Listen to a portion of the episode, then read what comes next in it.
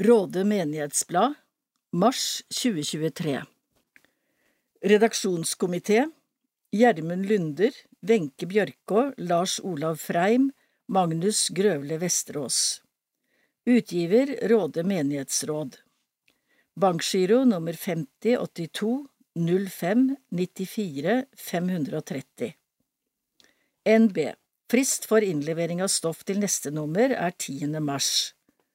Stoff til bladet eller andre henvendelser kan sendes gjermund.lunder.krøllalfa.gmail.com krøllalfa Lars Freim krøllalfa eller e-post krøllalfa rade.kirken.no Kirkens betjening. Menighetskontoret Furuly menighetssenter, Skråtorpveien 2C 1640 Råde. Tirsdag, onsdag og torsdag mellom 10 og 14. Mandag og fredag er kontoret stengt. Telefon 69 29 40 30. Menighetens VIPS-nummer 23 742. Postadresse Postboks 42 1640 Råde. E-post krøllalfa rade.kirken.no Her treffes følgende personer Kirkeverget Dag Øystein Andersen.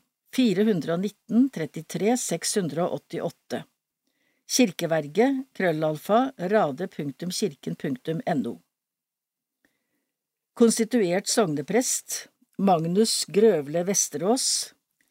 928 97 756 Kapellan krøllalfa rade.kirken.no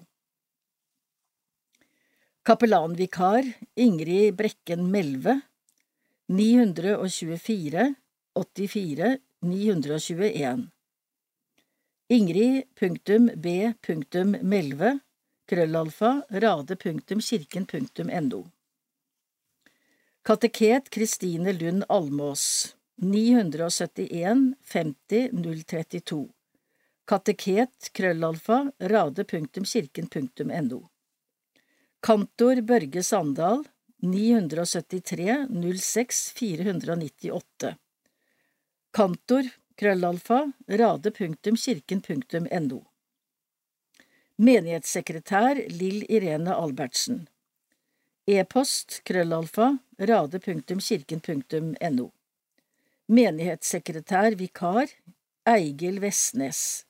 918 27 629 E-post krøllalfa rade.kirken.no Kirkegårdsarbeider Jan Kåre Tollefsen 913 09 708 Kirketjener krøllalfa rade.kirken.no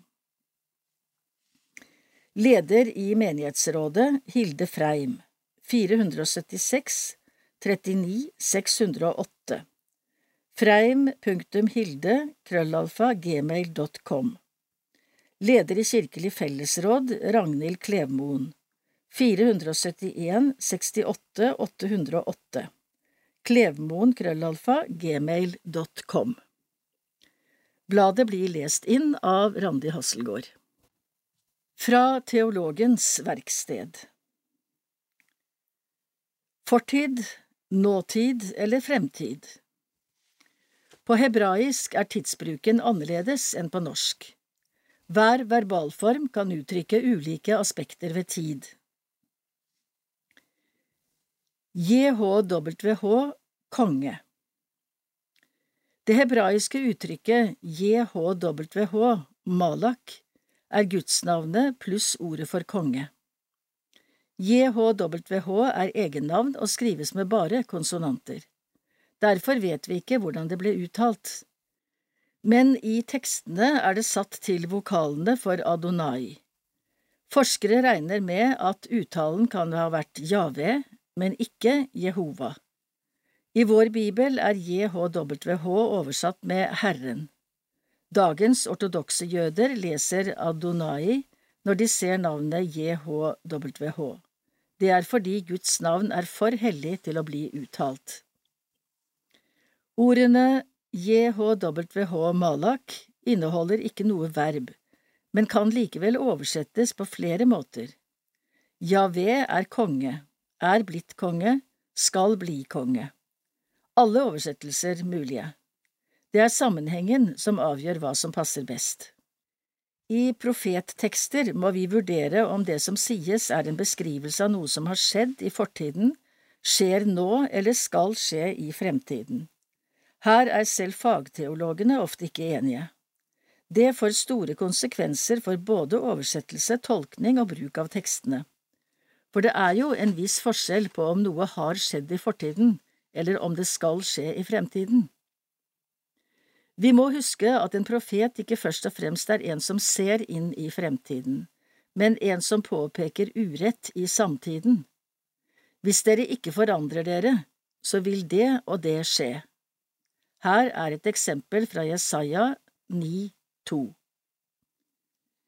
1930 Det folk som vandrer i mørket, skal se et stort lys. De som sitter i dødsskyggens land, over dem skal lyset stråle. Her er begge ledd oversatt med futurum. 1985 Det folk som vandrer i mørket, får se et stort lys. Over dem som bor i skyggelandet, stråler lyset frem. Her er det en kombinasjon av futurum og presens. 2011 det folket som vandrer i mørket, ser et stort lys. Over dem som bor i dødsskyggens land, stråler lyset frem. Her er begge ledd oversatt med presens.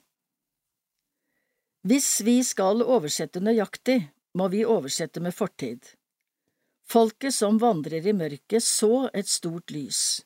De som bor i skyggeland, lys strålte over dem.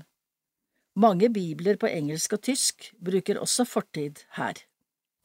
Prestens penn Fasten Gud vil ha av Magnus Vi er kommet til fastetiden, ventetiden før påske. Tiden da det i gamle dager var forbudt å spise kjøtt. Man fetet seg opp på fastelavn og fetetirsdag, før man spiste mager mat frem til påskedag. I Norge er det lenge siden det var veldig utbredt å endre kostholdet i fastetiden, men vi kan nok takke våre nye landsmenn og muslimske venner for at faste er et mer dagsaktuelt tema for de fleste nordmenn nå enn hva det var for noen år siden. Å møte mennesker fra kulturer hvor det å faste fortsatt er en naturlig del av troslivet, har nok gitt mange en påminnelse om fastens plass også i kristen trospraksis og mange har oppdaget eller gjenoppdaget hva fasten kan bety for troslivet. I kristendommen trenger faste slett ikke handle om mat. Ja, noen velger å spise mindre, enklere eller å unngå visse mattyper når de faster. Andre velger å avstå fra alkohol i fastetiden. Men kanskje er det vel så aktuelt i dag å bruke fasten til å redusere hvor mye tid og oppmerksomhet man vier til skjermer og sosiale medier. Faste kan gjøres på mange forskjellige måter, men viktigere enn hva man faster fra, er hva man faster for. Å faste kan være vanskelig, og når vi gjør noe vanskelig, har mange av oss lett for å skryte av det. Det kan fort bli et mål i seg selv å klare det, og det å faste med den hensikt å klare noe vanskelig, eller å imponere seg selv eller andre, har Bibelen lite til overs for. Den er fylt av kritikk av dem som faster for å synes prektige eller verdige. Men det å faste åpner noen rom i livene våre. Kanskje sparer vi penger ved å handle mindre, kanskje sparer vi tid ved å lage enklere mat eller gjøre no mindre av noe vi pleier. Kanskje får vi mer oppmerksomhet å bruke på noe nytt, ved å vie mindre av den til Facebook, Instagram eller Netflix. Og viktigere enn hvilke rom fasten åpner i ditt liv, er hva du velger å bruke det rommet til. Hvis du faster på en måte som sparer penger, kanskje kan de pengene da brukes til beste for noen andre? For eksempel ved å gi dem som ditt bidrag til Kirkens Nødhjelps fasteaksjon i år. Hvis du sparer tid, hvem velger du å bruke den tiden på? Kanskje kan du spandere litt tid på noen du er glad i, eller noen som har behov for en hjelpende hånd? Hvis du har mer oppmerksomhet som ikke forsvinner i piksler og poster, Kan du bruke den oppmerksomheten til å lytte bedre til menneskene du møter? Eller kanskje du kan bli bedre kjent med hva Guds vilje er for deg gjennom bønn og bibellesing. Det finnes mange måter å faste på. Det kan gjøres enkelt eller vanskelig, stort eller smått. Uansett tror jeg fasten kan åpne nye muligheter og rom i livet. Og om du velger å faste fra noe i år, så spør deg selv, hvordan kan jeg bruke dette som en mulighet til å elske Gud og min neste? Månedens bibelord Jesaja kapittel 58 versene 6 og 7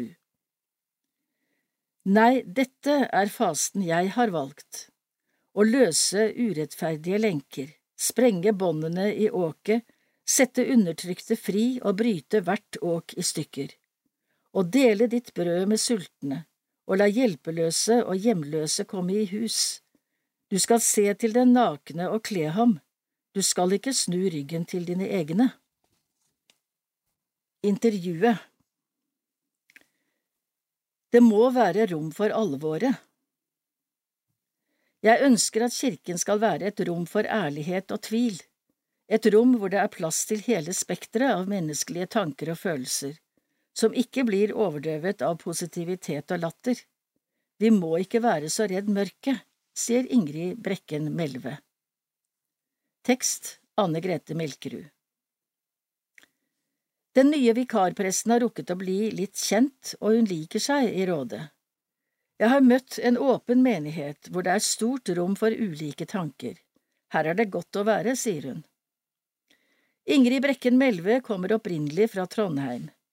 I barneårene tilbrakte hun mye tid i kirkerommet, både på gudstjenester og i Nidarosdomen jentekor. Fra hun var 14 år var hun fast bestemt på at det var prest hun ville bli. Kirken var en del av min oppvekst, og det kjentes veldig riktig. Jeg har alltid vært et veldig religiøst menneske, og jeg har alltid kjent en nærhet til Gud. Når søndagen kommer og prestekjolen tas på, er hun trygg. Prekenen er godt forberedt, ingenting overlates til tilfeldighetene. Jeg er veldig glad i gudstjenesten. Den er noe jeg trenger i mitt eget liv. Der får vi føde, og gudstjenesten gir en unik følelse av fellesskap. Tenk bare på liturgien. Vår Kyrie høres i kirker over hele verden, og det har den gjort i nesten 2000 år, sier hun. Hun setter stor pris på det tradisjonelle, men er samtidig opptatt av at kirken også må utvikle seg videre, blant annet gjennom salmene, som hun ser på som kirkekunst. Vi må passe på at kirken ikke blir et museum hvor salmeskattene hentes frem fra en kiste med pynt. Det må være plass til både det gamle og noe nytt, sier hun. Melve er selv en av landets mest anerkjente salmediktere, og salmene hennes skiller seg ut. De har den tradisjonelle stramme formen, men henter inn hverdagslige ord og uttrykk. Hun skriver om sølepyttsprell og mikroplast, om bakstekonas deig og sure menn med slips. Ordene og uttrykkene kan tyde på salmene har en lett tone, men det stemmer ikke. De fleste salmene er preget av alvor. Jeg håper at mine salmetekster kan gjøre det lettere å tro og lettere å tvile. Det går an å leve som kristen uten at man trenger å være blid og lykkelig. Det er plass til melankolikerne også. Da Melve ble nominert til Petter Dass-prisen i fjor, ga juryen tydelig uttrykk for at salmene hennes setter spor etter seg. Som ung, kvinnelig salmedikter er Melve med på å utvide og fornye en av Kristen-Norges viktigste plattformer. Hun er en viktig stemme, ikke bare her og nå, men også for framtida. Fra hun var barn har hun vært betatt av ord, hvordan man setter dem sammen og hvordan man skaper nye. Da hun var 16 ble diktet hennes Virkelighetsvannet, del 1, Da svartskjell kom, kåret til månedens dikt i Dagbladet. Virkelighetsvannet ble til av at ordet akvariumsparagraf plutselig lekte på tunga mi i en naturfagstime, fortalte den unge dikteren til avisen den gangen. Ord har fortsatt å bli til dikt og salmer, og i 2022 ga hun ut sin første roman. Avstøtningen er en dramatisk fortelling om hjertesyke Rebekka som får transplantert inn et nytt hjerte. Jeg var først litt usikker. Kunne jeg være prest og samtidig gi ut skjønnlitteratur? Jeg landet på at det kan jeg. Kunst er noe annet enn en forkynnende tekst, og i romanen er det ingen forkynnelse, sier hun. Melvi gjorde østfolding av seg i 2014 og bor på Kråkerøy med mann og to døtre. I flere år var hun prest i Skjeberg, og hun har jobbet på krisesenteret i Fredrikstad, en erfaring hun setter høyt. Jeg er opptatt av kvinners stemme.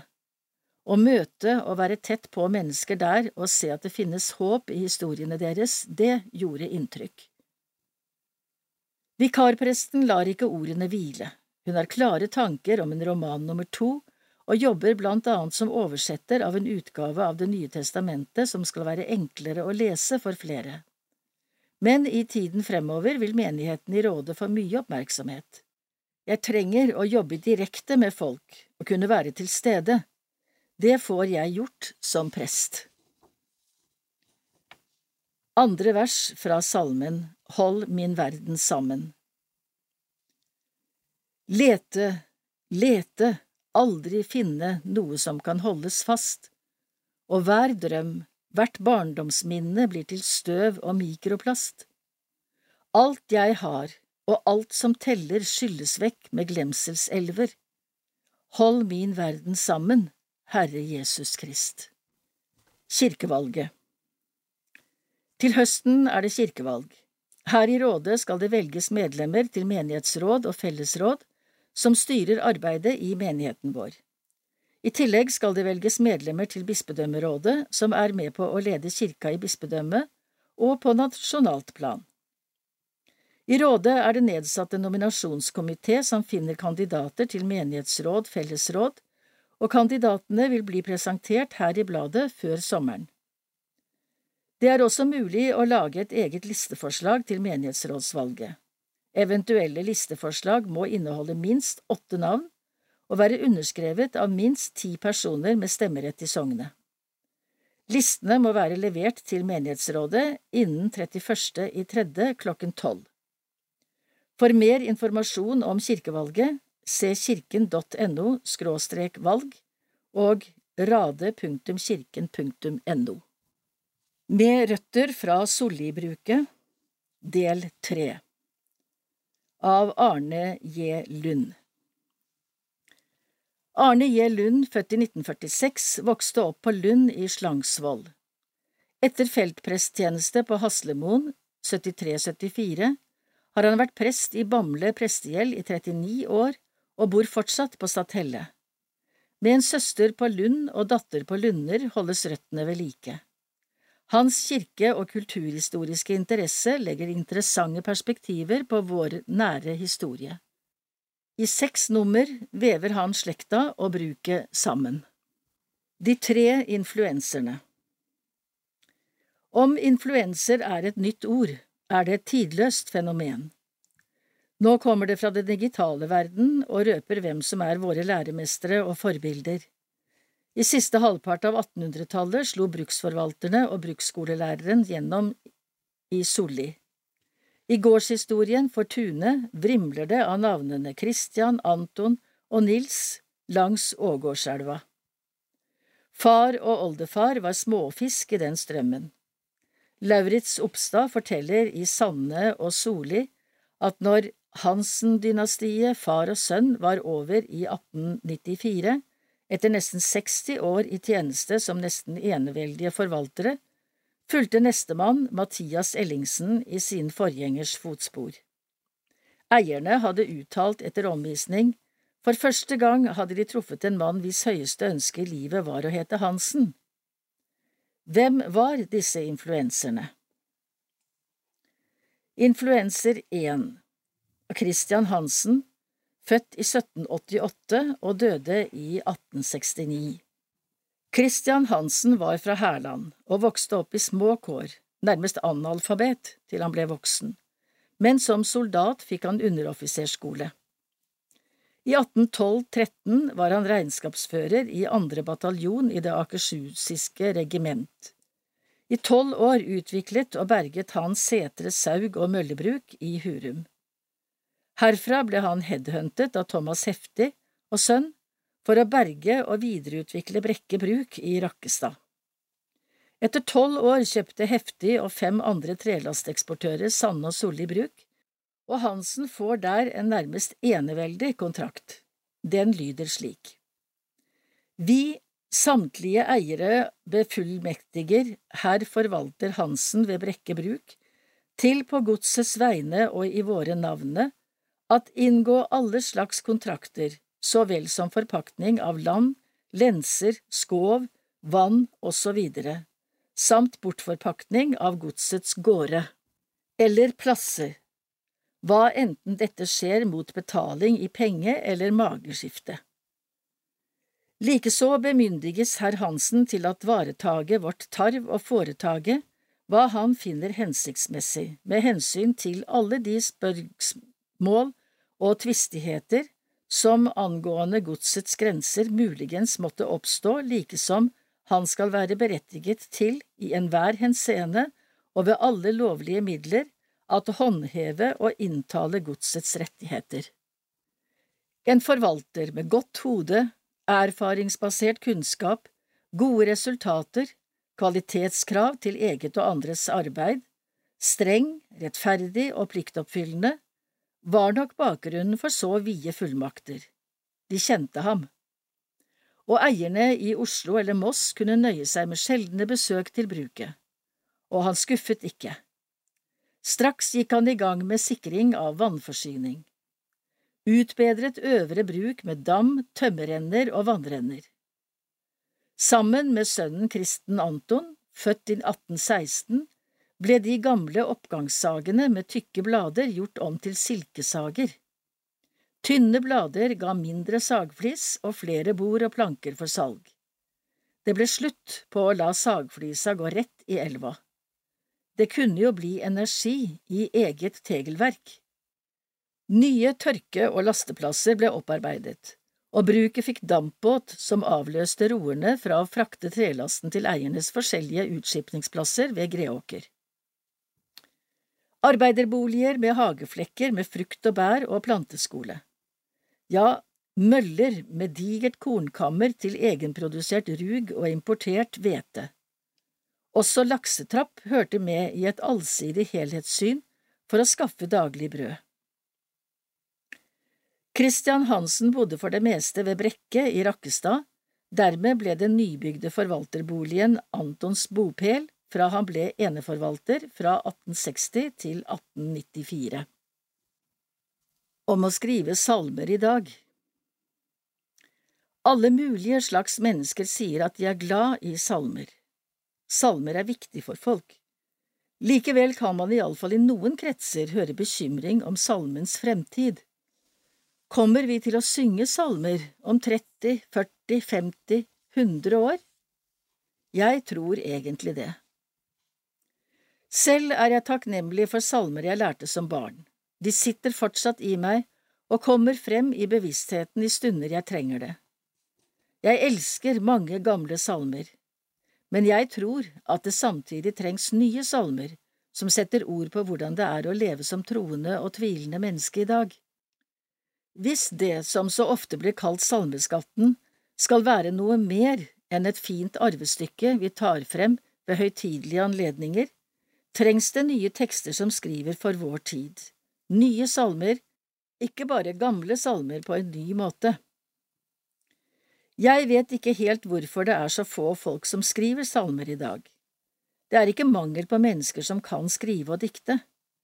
Har forestillingen om hva en salme er, blitt noe tilstivnet og arkaisk for mange? Eller kanskje skyldes det ærefrykten for selve sjangeren, eller for det møysommelige arbeidet det er å skrive salmer?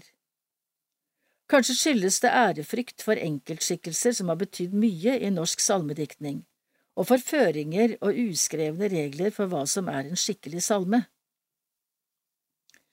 Da jeg selv begynte å skrive salmer i 2014, var det med en slik ærefrykt.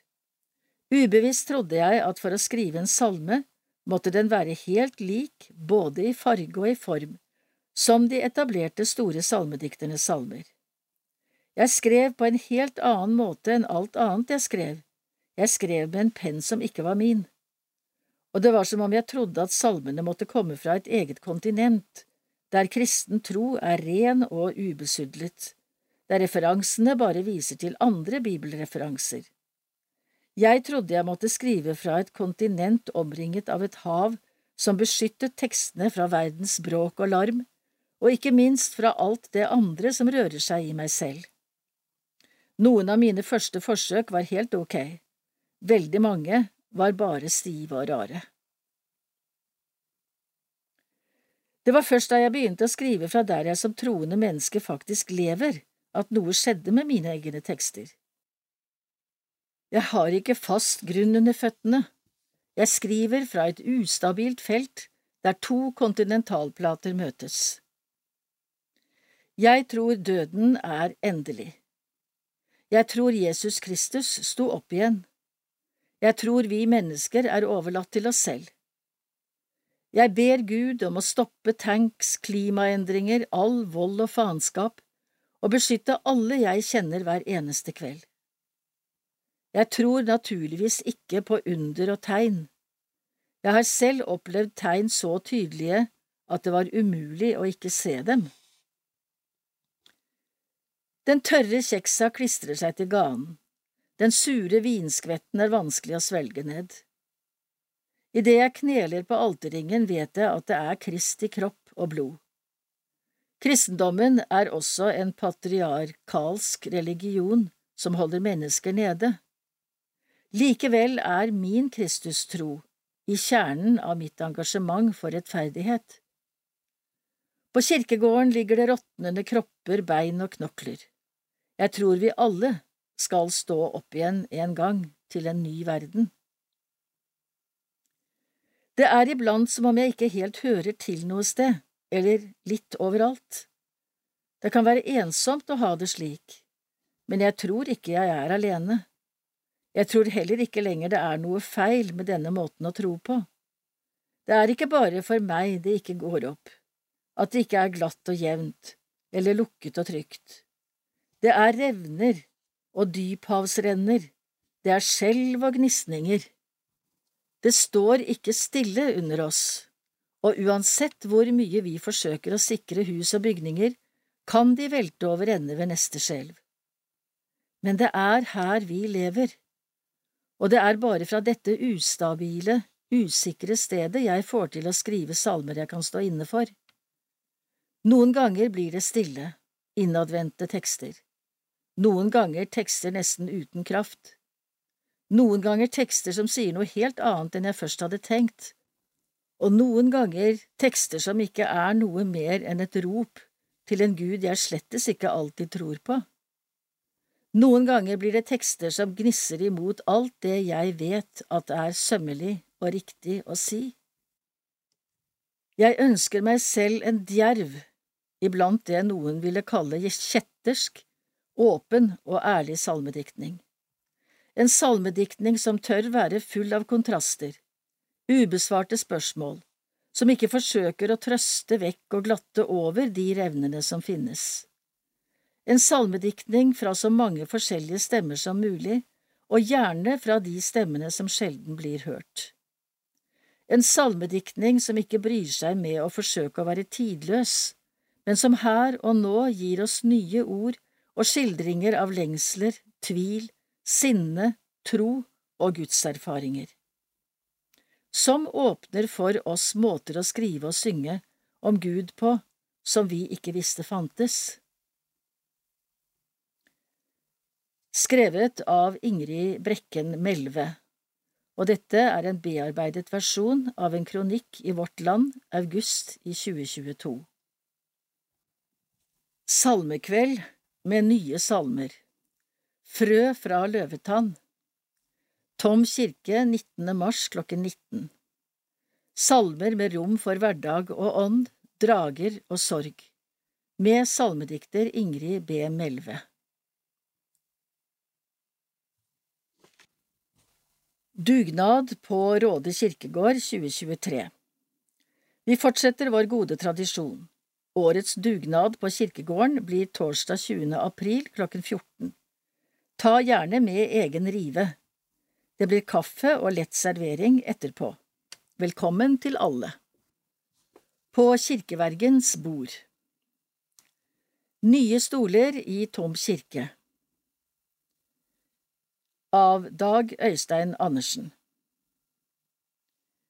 Nå er vi skikkelig i gang med å skifte ut benkene i Tom kirke med stoler. Fellesråd og menighetsråd er veldig glad og takknemlig for at vi har fått dette til.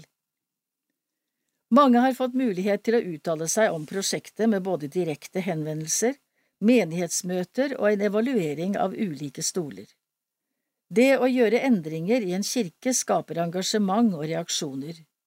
Nye tider skaper behov, og kirkene i dag benyttes til mer enn gudstjenester, som konserter, trosopplæringstiltak, foredrag, undervisning med skoleklasser og som et sosialt eller diakonalt treffpunkt. Råde kirke er en middelalderkirke og er vernet som et kulturhistorisk bygg. Her er oppgaven å ivareta bygget som det er. Siden Tom kirke er yngre, 1869, og ikke har det samme vernet, har vi fått muligheten til å foreta disse endringene. For å få dette til har det blitt et spleiselag mellom Råde fellesråd og Råde kommune. Vi vil benytte anledningen til å rette en stor takk til Råde kommune for spleiselaget. Første forsendelse med stoler er mottatt og installert, og siste forsendelse skal komme i slutten av februar. I tillegg til nye stoler som vil føre til en mer fleksibel bruk av kirken, har vi også laget et sosialt område med fire bord med plass til 32 personer. Det betyr at vi kan invitere til kirkekaffe i kirken med sitteplasser, legge til rette for undervisning og annet i dette området. Velkommen til Tom kirke med nye stoler. Maleklubben Indigo, Råde kunstforening Malerklubben Indigo sin visjon er å gjøre Galleri Gamle Tom til en levende møteplass for Råde kunstnerforeningens medlemmer og Rådes innbyggere. Samtidig ønsker klubben å gjøre kunst og kultur mer tilgjengelig for Rådes befolkning og inspirere til bedre kunstforståelse. Vi vil gi mulighet til kompetanseheving og inspirasjon til våre medlemmer. Malerklubben holder til i lokalet i lageret ved siden av Galleri Gamle Tom. Dette vårhalvåret har vi planlagt maledager, utstillinger og kursopplegg. Mange av våre medlemmer kommer sammen og maler på torsdager fra klokken 12 til 15. Kom gjerne innom for å ta en titt. Det er også mulig å kjøpe våre malerier. Vi samarbeider med Tom videregående skole ved at Tom-elever maler hos oss på onsdagskvelder, og det er planlagt en sommerskoleuke med skoleelever i juni. Det har vært god interesse og engasjement i forbindelse med oppstart av malerklubben høsten 2022. Marit Kjærnes Damenes aften på Efata 6. februar hadde invitert prosjektleder for Håpets katedral, Solveig Egeland, til å fortelle om prosjektet. Elin Knoff sang, og Eirin Nyste Husteby delte kveldstanker. I det maritime miljøet på Isegran er det bygget en 120 kvadratmeter stor katedral på en pram av tre som flyter på vannet. Reisverket er 14 meter høyt av solide tresøyler, inspirert av stavkirkene, mens det 300 kvadratmeter store taket er skapt som et innovasjonsprosjekt av gjenvunnet plast fra havet. Håpets katedral jobber med både miljømessig, sosial og økonomisk bærekraft. Vi er pionerer innen diapraksis, at mennesker fra ulike religioner og kulturer jobber fysisk sammen mot et felles mål. Vi legger vekt på tradisjonshåndverk og er stolte bærere av kulturarven vår. Dugnad og frivillig innsats er dypt forankret i prosjektet. Vi samarbeider også med næringslivet og tenker at innovasjon er like viktig som tradisjon. Taket vårt er et symbol på nettopp det. Prosjektet er flerreligiøst og handler om å bygge håp gjennom samarbeid. Katedralen, som er åpen for alle, er et møtested mellom mennesker på tvers av alder, nasjonalitet og tro. Vi starter opp demenskor i Råde. Har du en demenssykdom, og er du glad i sang og musikk, da trenger vi nettopp deg i koret. Du trenger ingen kunnskaper om innen sang fra før, vi synger med den stemmen vi har. Sissel Hansen og Stine Solgård er to dyktige musikkterapeuter som hjelper oss gjennom korøvelsene. Vi har også med oss gode medhjelpere. Øvelsene vil foregå i storstua på Helsehuset i Råde, onsdager fra klokken 17.30 til 19.30. Første korøvelse er 12. april. Du kan komme alene eller ta med deg noen du kjenner godt hvis du ønsker det. Det vil bli en liten pause på øvelsene med enkel bevertning. Påmeldingsfrist er onsdag 5. april, og tilbudet er gratis. For påmelding eller andre spørsmål ta kontakt med Malin Tøgersen, demenskorkoordinator, Råde kommune. E-post malin.togersen Telefon 476 95 223 Vi gleder oss til å møte og synge sammen med deg. Invitasjon til seksåringen Nå er det tid for at du kan få seksårsboka di. Boka du får, er en fortsettelse på fireårsboka, og vi møter Bo og Nora igjen. I boka er det små historier og sanger som du kan få noen voksne til å lese og synge for deg, mens du ser på tegneseriene og følger med på bildene. Utdelingen er i Tom kirke 19. mars klokken 11. Gleder oss til å se deg. Påmelding skjer til kateket krøllalfa rade.kirken.no eller på telefon 971 50 032 innen fredag 17. mars. Vennlig hilsen Råde menighet. Kirken på sosiale medier Her finner du oss. Facebook Råde menighet Instagram Kristine-kateket TikTok Kateketen i Råde Følg oss gjerne. Fasteaksjonen 2023 For at Kila og andre skal få rent vann, trengs det hjelp fra mange norske frivillige. Hvert år er tusenvis av frivillige med på å samle inn penger til Kirkens Nødhjelps arbeid gjennom fasteaksjonen. Det er nettopp disse pengene som gjorde det mulig å levere rent og trygt vann i Etiopia. For Kila og tusener av andre mennesker har dette vært livsviktig hjelp. Også i år skal frivillige over hele Norge være med på å samle inn penger til brønnboring, latrinebygging og andre tiltak som redder liv rundt om i verden. Også du kan bidra når Råde menighet skal gjennomføre årets aksjon, enten ved å være bøssebærer eller å støtte aksjonen med pengegave. Konfirmantene våre kommer tirsdag 28. mars, ta godt imot de. Dersom du ikke får gitt denne dagen eller er hjemme når konfirmantene kommer, kan du vippse beløp til 2426. Fastetiden Hva er faste? På samme måte som vi har en forberedelsestid før jul, har vi også en forberedelsestid før påske. Denne tiden kalles faste og varer i 40 dager. Dette er en tid som i kirken har samme farge som advent. Fiolett, eller lilla, er en farge som er en blanding av blått og rødt. Blått er ofte brukt som et symbol for Gud, himmel og tro, og rødt som et symbol for mennesket, jorden og kjærlighet.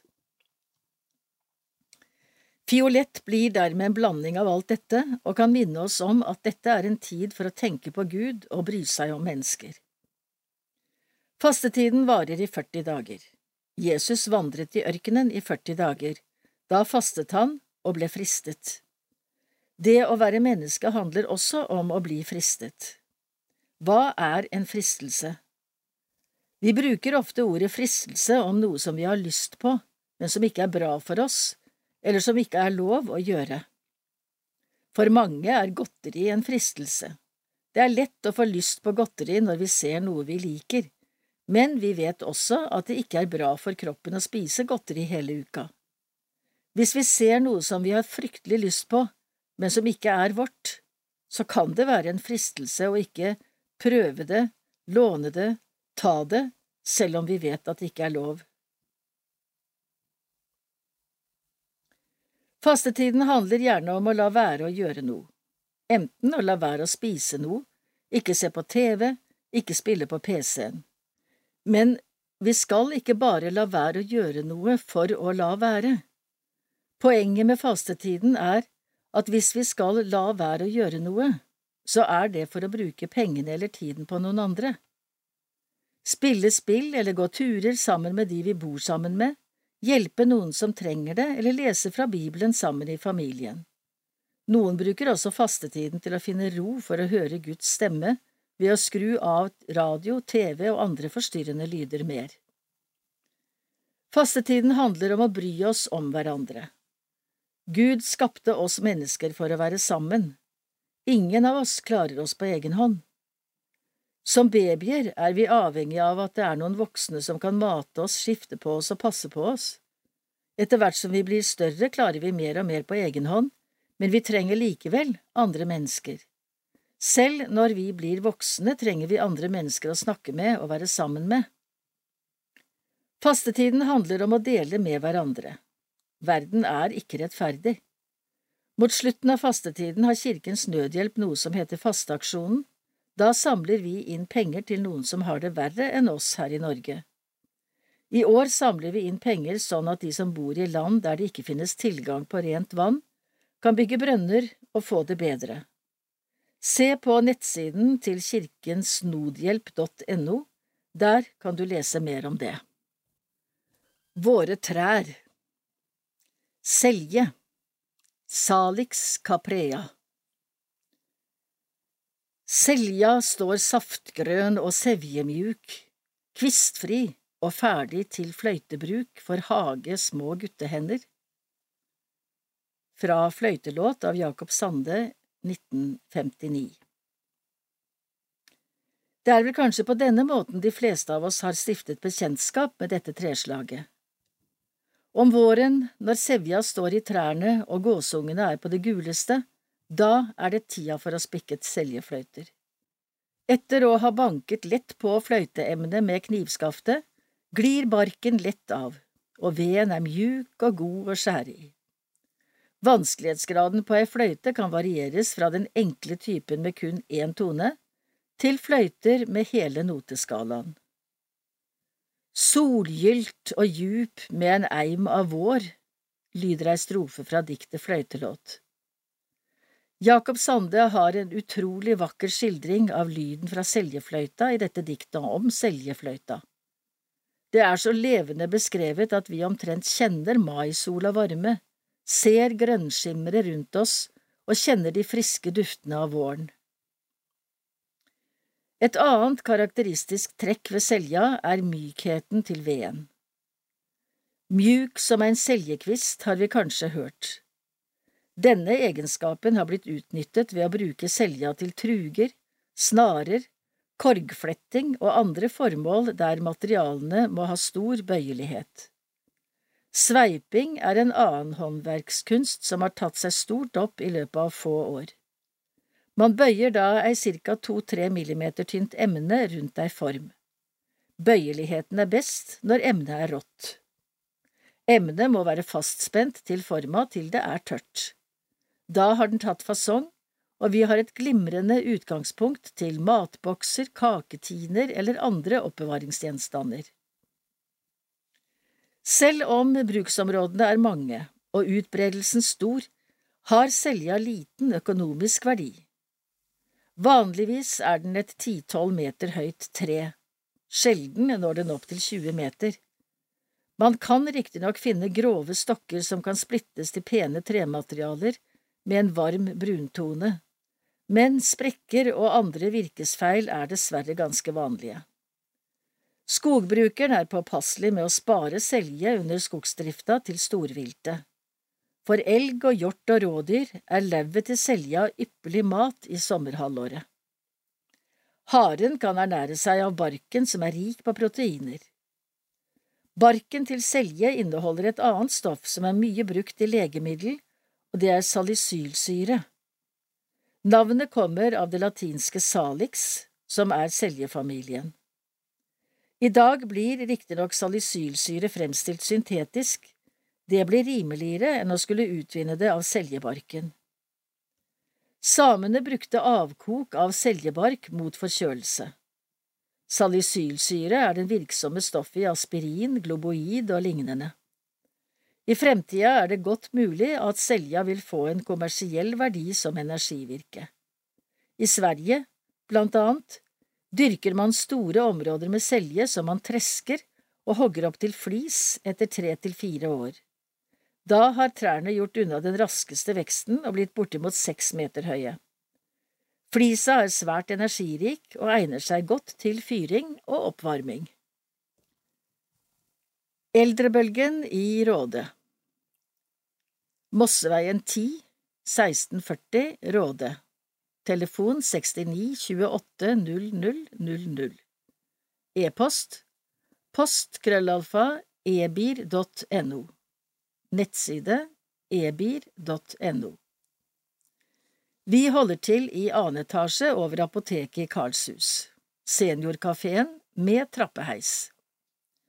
Dager vi har åpent er tirsdag, fredag og lørdag fra klokken 10.30 til 14. Medlemmer som ikke har vært medlemmer hos oss på et år eller to, ønsker vi at svært gjerne registrerer seg som medlemmer igjen. Fredag 3. mars Åpen talerstol, varm mat. Fredag 10. mars, varm mat. Fredag 17. mars, musikk og allsang ved Tor Erik Jacobsen, varm mat. Onsdag 22. mars, moteoppvisning, Linnea klokken 18. Torsdag 23. mars, handletur til Strømstad og Nordby. Medlemspris 250 kroner. Ikke-medlem 350. Avreise klokken 9.45 fra Saltnes, herfra klokken 10. Middag på Høk klokken 14.45. Loddsalg. Fredag 24. mars. Varm mat. Torsdag 30. mars. Nesrevyen. Pris 800 kroner. Prisen inkluderer lunsj på oppovervei, billett, middag på hjemvei og bussturen. Fredag 31. mars, siste åpningsdag før påske. Åpen talerstol og varm mat. NB. Alle musikk- og kulturelle innslag starter klokken 12.30. Furuly Tigers 20. mars 1730 til 19 24. april 1730 til 19 22. mai 1730 til 19 Møter i Råde KFK Onsdag 15. mars Vi besøker Vigdis Andersen i Bokmiljø på Torp. Møtes Furuly klokken 18.30. Pensjonistforbundet i Råde Medlemsmøte onsdag den 22. mars 2023 på Bøndenes hus fra klokken 11 til 13.30. Sjefsredaktør René Svendsen i Fredrikstad Blad vil foredra om papiravisens fremtid. Quiz, enkelt servering og loddsalg. Vel møtt, hilsen styret. Familiemiddag Velkommen til familiemiddag på Furuly 6. mars klokken 16.30. Ønsker du noen å snakke med? Her er noen gode alternativer. Kirkens SOS 22 40 00 40 Alarmtelefonen for barn og unge 116 111 Nettside nettkirken.no Blåkors chatsenter bladkors.no skråstrek chat bindestrek senter Råde bibliotek. Telefon 69 29 50 53 Åpningstider. Mandag og onsdag 10 til 15.30 Tirsdag 13 til 20 Torsdag og fredag 13 til 15.30 Informasjon fra Råde bibliotek Lørdag 25. mars klokken 13 blir det barneforestilling på biblioteket. Barnehageteatret presenterer forestillingen I bakvendtland, en gladforestilling basert på sanger av Alf Prøysen.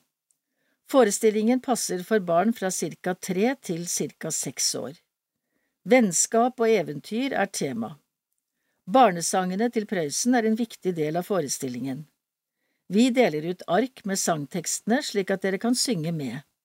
Gratis inngang, men dere må hente billetter på biblioteket på forhånd, fra ca. 1. mars. Kun én voksen per barn. Forestillingen varer ca. 35 minutter. Mandag 17. april klokken 19 blir det forfatterkveld med Ingrid Brekken Melve.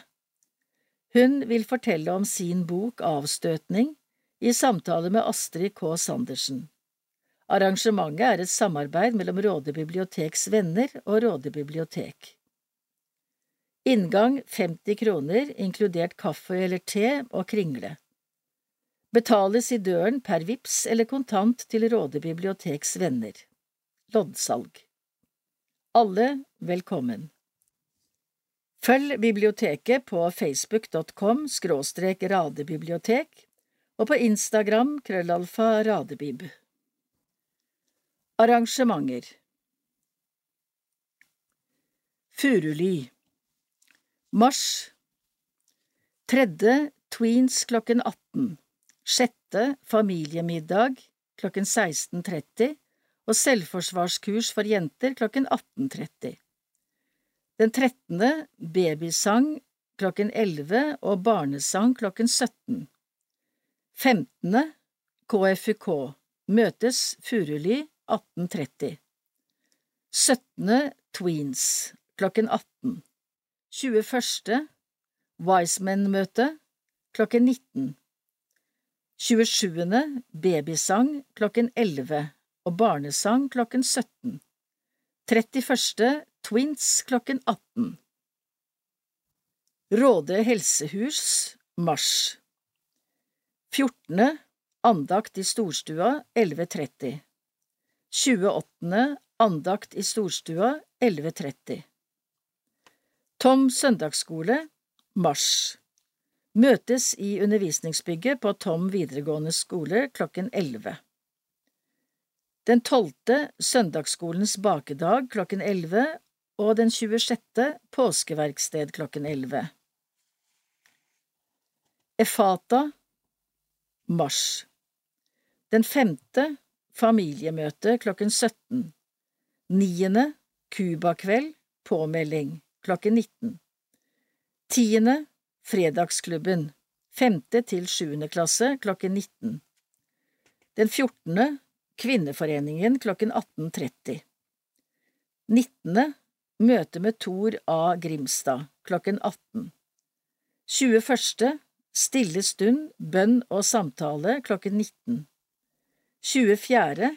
Fredagsklubben, 5. til 7. klasse klokken 19 26. Konsert med Hans Inge Fagervik klokken 19 29. Sangkafé klokken 19 Velkommen til kirken. Kirkeskyss Ring 907 37 083 Søndag 5. mars, andre søndag i fastetiden. Efata klokken 17. Familiegudstjeneste. Ekko synger. Takkoffer til vennskapsmenigheten i Turkos i Romania. Søndag 12. mars, tredje søndag i fastetiden. Furuly menighetssenter klokken 11. Gudstjeneste, nattvær, takkoffer til menighetens arbeid og kirkekaffe. Torsdag 16. mars, Tom kirke klokken 20. Kveldsmesse. Bønnevandring og nattvær. Søndag 19. mars, fjerde søndag i fastetiden. Tom kirke klokken 11. Familiegudstjeneste, dåp og nattvær. Utdeling av seksårsbok Takkoffer til menighetens arbeid Søndag 26. mars Maria budskapsdag Tom kirke klokken 11 Gudstjeneste Dåp og nattvær Råde vokalensemble synger og Malin Sofie Rekstad spiller fløyte. Takkoffer til stiftelsen Vake, kirkelig ressurssenter mot vold og seksuelle overgrep. Søndag 2. april, palmesøndag. Råde kirke klokken 11, gudstjeneste. Dåp og nattverd og takkoffer til KFUK KFUM Norge. Livets gang Døpte Sonja Mathisen Ringsrød, Varg Olaf Grande Revhaug, Live Helene Rønning Arnesen, Ariana Louise Westin Jødalstuen, Mats Ferdinand Korsgård Henningsmoen, Elliot Korsgård Jensen. Døde Ragnhild Jeanette Wiersholm, 93 år. Jan Erik Myra, 63 år. Gro Oskarsson, 65 år. Laila Bjerke, 79 år. Karin Margrethe Jensen, 77 år.